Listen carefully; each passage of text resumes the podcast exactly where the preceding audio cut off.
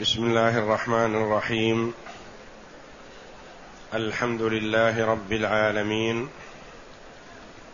والصلاة والسلام على نبينا محمد وعلى آله وصحبه أجمعين. وبعد. أعوذ بالله من الشيطان الرجيم. وإذ بوأنا لإبراهيم مكان البيت ألا تشرك بي شيئا وطهر بيتي للطائفين والقائمين والركع السجود وأذن في الناس بالحج يأتوك رجالا وعلى كل ضامر وعلى كل ضامر يأتين من كل فج عميق يقول الله جل وعلا واذ بوانا لابراهيم مكان البيت اذ ظرف والعامل فيه فعل مقدر كما مر كثيرا. واذكر اذ بوانا لابراهيم.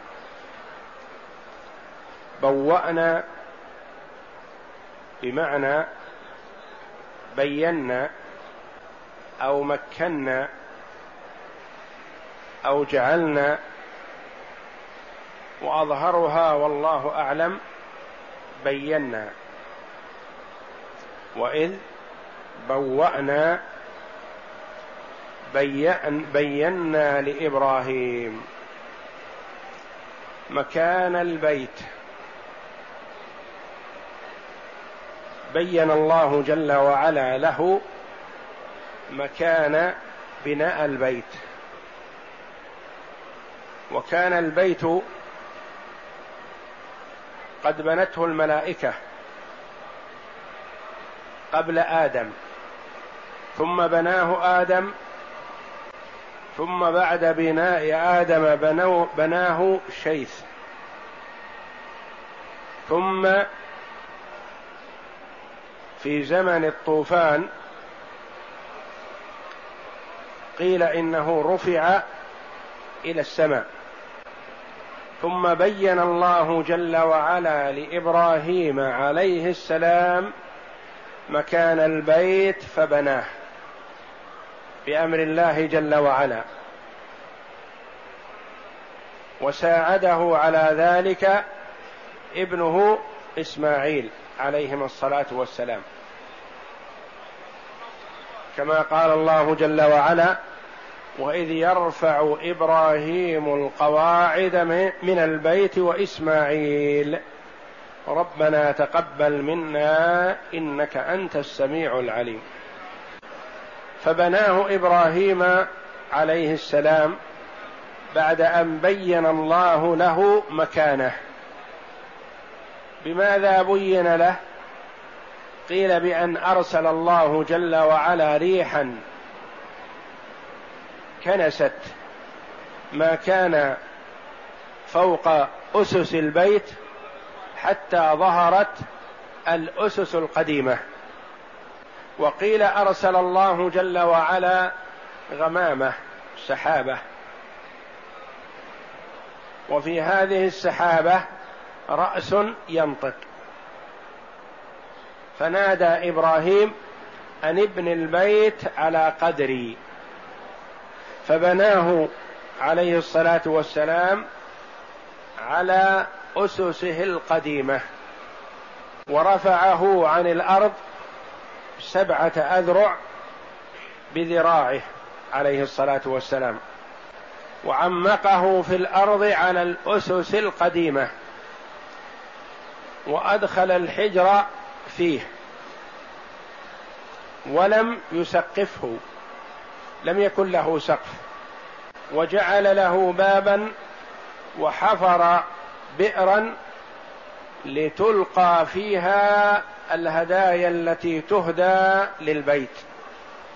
وكان ما يهدى للبيت يجمع ثم يصرف عليه عند الحاجة إلى ذلك. وبعد إبراهيم عليه السلام بنته جرهم والعمالقة وقصي بن كلاب ثم قريش ثم بناه عبد الله بن الزبير رضي الله عنه. ثم بناه بعده أو شيئا منه الحجاج بن يوسف وبقي على ذلك. وإذ بوأنا لإبراهيم مكان البيت بين الله مكانه دل على أنه قد بني من قبل. وإلا فقد قال بعض المفسرين إن أول من بناه إبراهيم عليه السلام ثم بني بعده بيت المقدس وكان بين بناء أيهما قدر أربعين سنة كما روى أبو هريرة عن النبي صلى الله عليه وسلم. فلعل بين بناء إبراهيم للبيت وبناء بيت المقدس قدر أربعين سنة. البناء الأخير لإبراهيم وإلا فقد بني قبله بنته الملائكة ثم آدم ثم شيث ثم إبراهيم عليهم الصلاة والسلام. ألا تشرك بي شيئا. أي أوحينا أوحينا لإبراهيم ألا تشرك بي شيئا. ألا تشرك بي شيئا. أي لا تعبد معي غيري. العبادة لله وحده. فالله جل وعلا أمر إبراهيم بأن يبني البيت بعدما بين له المكان من أجل أن يكون لعبادة الله وحده. ألا تشرك بي شيئا أي شيء من الأشياء. لا تصرف أي نوع من أنواع العبادة لغيري. وطهر بيتي للطائفين. طهر البيت. أمر إبراهيم عليه السلام بتطهير البيت. لمن؟ للطائفين والقائمين والركع السجود. للطائفين الذين يطوفون حوله عبادة لله جل وعلا والقائمين المصلين حوله والطواف والصلاة عبادتان مختصتان بالبيت العتيق. الطواف حوله والصلاة إليه. في أي بقعة من بقاع الأرض يصلي المسلم إلى بيت الله الحرام. إلا ما استثني إذا جهلت القبلة أو كان المرء في سفر ويصلي النافلة فله أن يتوجه حيث توجهت به راحلته. وكذا في الصلاة عند اشتداد القتال. يصلي المرء وهو يقاتل الأعداء يكر ويفر ويتوجه يمينا وشمالا. وطهر بيتي. طهره من ماذا؟ من الشرك ومن القتل سفك الدماء بغير حق. ومن المعاصي فلا يعمل فيه معصية. وهذا أمر من الله جل وعلا لإبراهيم عليه السلام ولنبينا محمد صلى الله عليه وسلم وللأمة الإسلامية. مأمور كل مسلم بأن يحرص على طهارة البيت العتيق.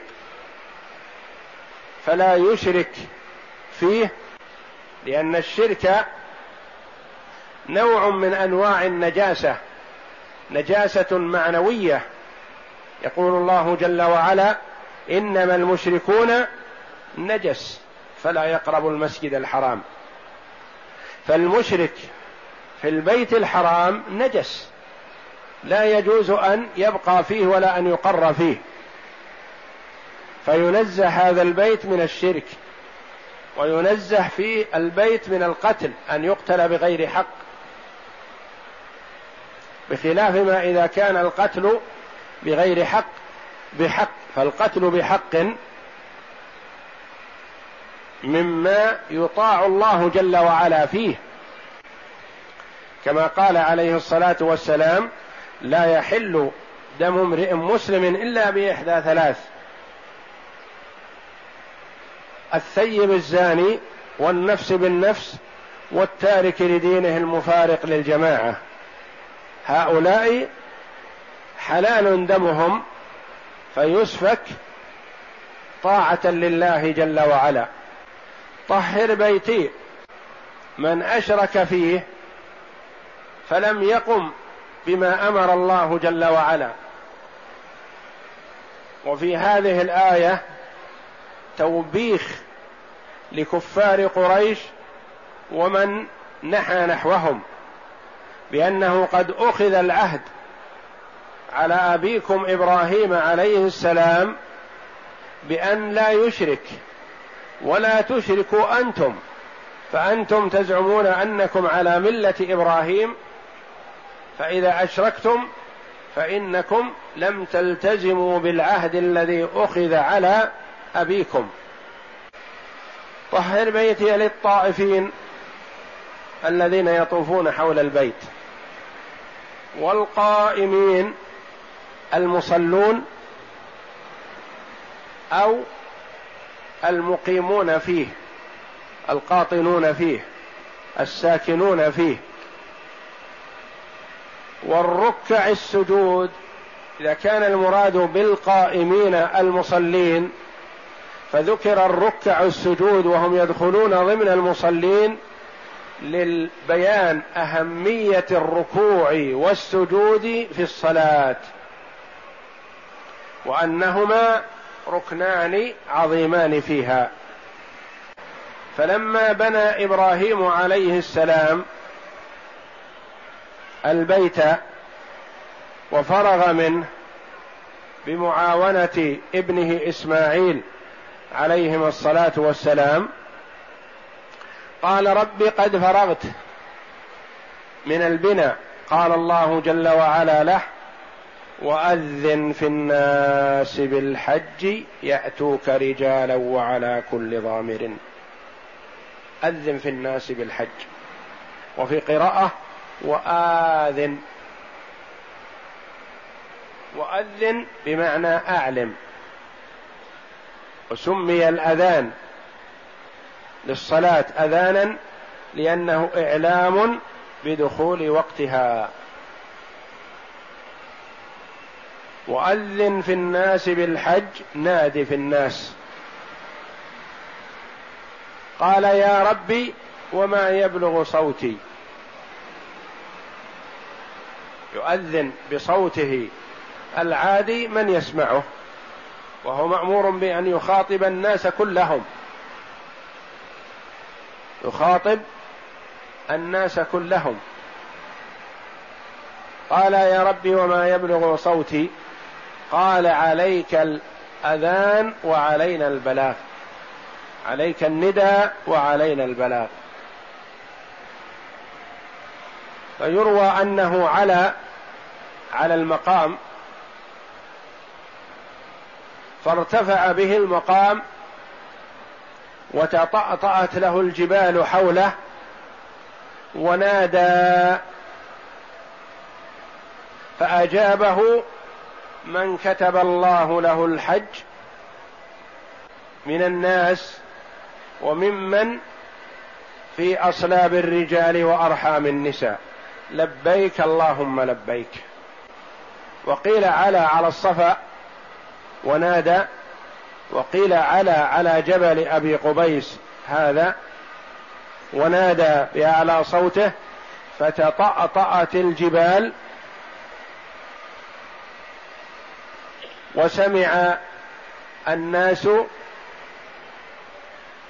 كلهم ذلك الصوت واستجاب من أراد الله جل وعلا له حج بيته الحرام. فروي عن ابن عباس رضي الله عنهما قال لما فرغ إبراهيم من بناء البيت قال قد فرغت. قال أذن في الناس بالحج. قال يا ربي وما يبلغ صوتي. قال أذن وعلي البلاغ. قال ربي كيف أقول؟ قال قل يا أيها الناس كتب الله عليكم الحج إلى البيت العتيق. فسمعه من في السماء والأرض ألا ترى أنهم يجي يجيئون من أقصى الأرض يلبون؟ يقول المؤلف رحمه الله وفي الباب آثار عن جماعة من الصحابة وبه قال جماعة من المفسرين وزادوا فعلى على المقام فأشرف به حتى صار كأعلى الجبال. يعني ارتفع به المقام حتى نادى في الناس. وقيل على على جبل أبي قبيس فلما صعده للندى خفضت الجبال رؤوسها ورفعت له القرى فأدخل أصبعيه في أذنيه وأقبل بوجهه يمينا وشمالا وشرقا وغربا. ونادى في الناس بالحج قال يا أيها الناس إن ربكم بنى بيتا وكتب عليكم الحج إليه فأجيبوا ربكم فأجابه كل من كتب له أن يحج ممن كان في أصلاب الرجال وأرحام النساء لبيك اللهم لبيك. على هذا مشى كثير من المفسرين رحمه الله بأن قوله جل وعلا وطهر بيتي للطائفين وأذن في الناس بالحج هو أمر لإبراهيم عليه السلام. وقال بعضهم بل انتهى الكلام عن إبراهيم في قوله جل وعلا وإذ بوأنا لإبراهيم مكان البيت. وقوله جل وعلا ألا تشرك بي شيئا وطهر بيتي للطائفين والقائمين والركع السجود وأذن في الناس بالحج أن هذا خطاب لمحمد صلى الله عليه وسلم. ولا منافاة فسواء كان الخطاب لإبراهيم عليه السلام فمحمد صلى الله عليه وسلم مأمور بذلك. أو كان الخطاب لمحمد صلى الله عليه وسلم فقد كان إبراهيم عليه الصلاة والسلام إمام الحنفاء. وقد نادى النبي صلى الله عليه وسلم ودعا الناس إلى حج بيت الله الحرام. فعن أبي هريرة رضي الله عنه قال خطبنا رسول الله صلى الله عليه وسلم فقال يا أيها الناس قد فرض الله عليكم الحج فحجوا أخرجه مسلم. والحج بفتح الحاء على قول الأكثر ويجوز كسرها حج في جميع ألفاظ الحج. وأذن في الناس بالحج يأتوك رجالا. يأتوك يعني يستجيبون لندائك. رجالا وعلى كل ضامر. يأتوك رجالا. رجال بمعنى راجل. يمشي على قدميه. يعني مشاة على الأقدام. وقد روي أن إبراهيم وإسماعيل حجا عليهم الصلاة والسلام البيت مشاة. وعلى كل ضامر. وعلى يأتوك مشاة.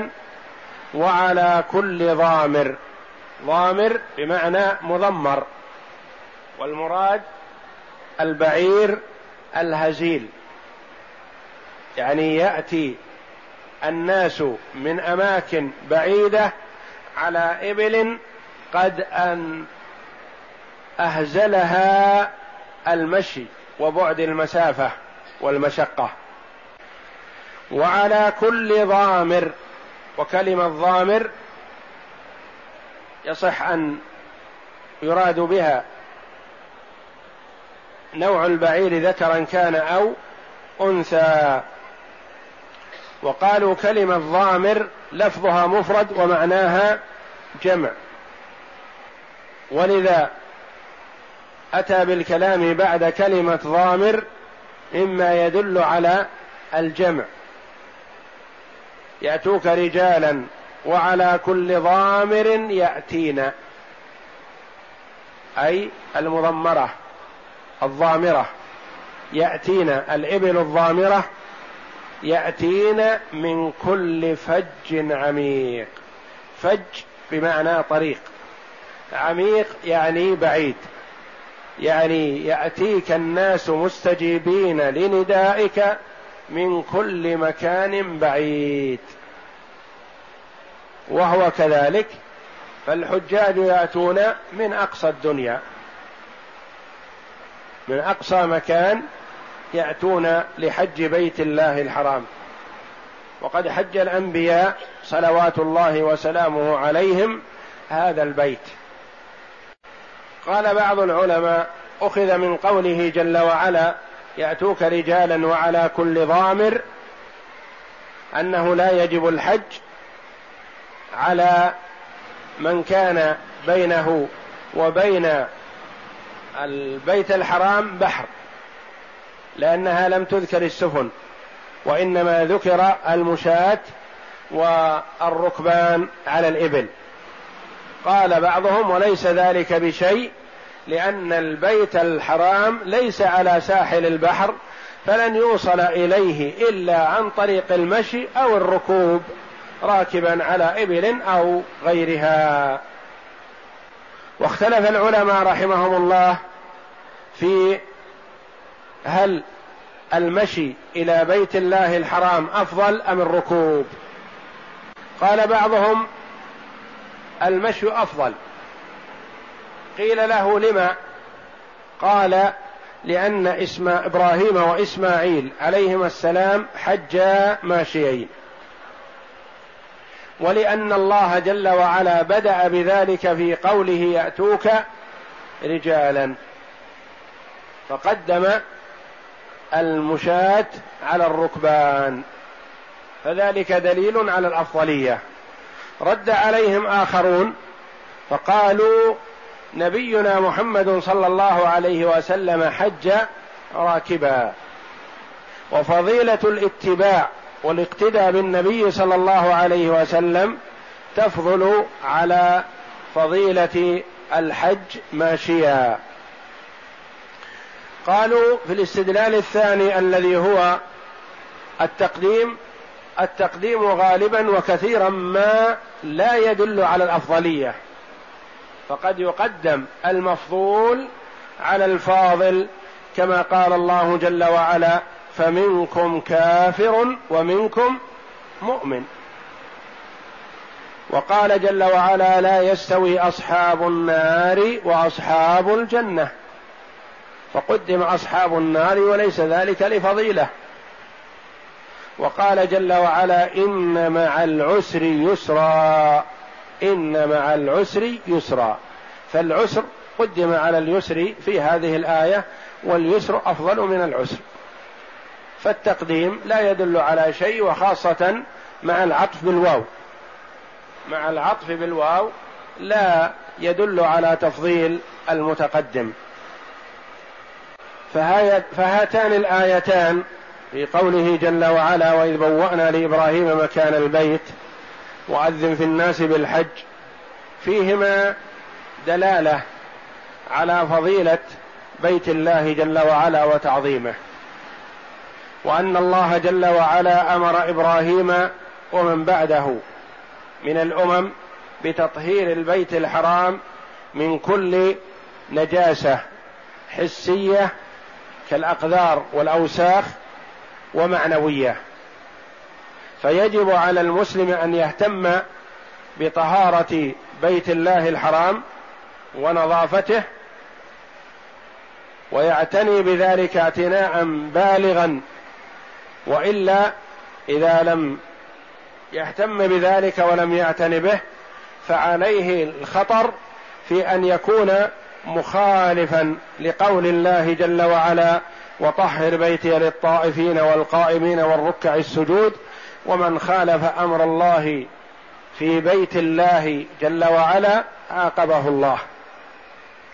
فحري بالمسلم أن يعتني بذلك وأن يهتم بطهارة ونظافة بيت الله الحرام فلا يشرك به ولا يلتفت إلى غير الله جل وعلا في بيت الله وينزهه من الاقذار والأوساخ وغير ذلك مما يدنسه استجابة لنداء الله جل وعلا وأمره الكريم لإبراهيم ومن بعده بطهارة البيت العتيق. والله أعلم وصلى الله وسلم وبارك على عبد ورسول نبينا محمد وعلى آله وصحبه أجمعين.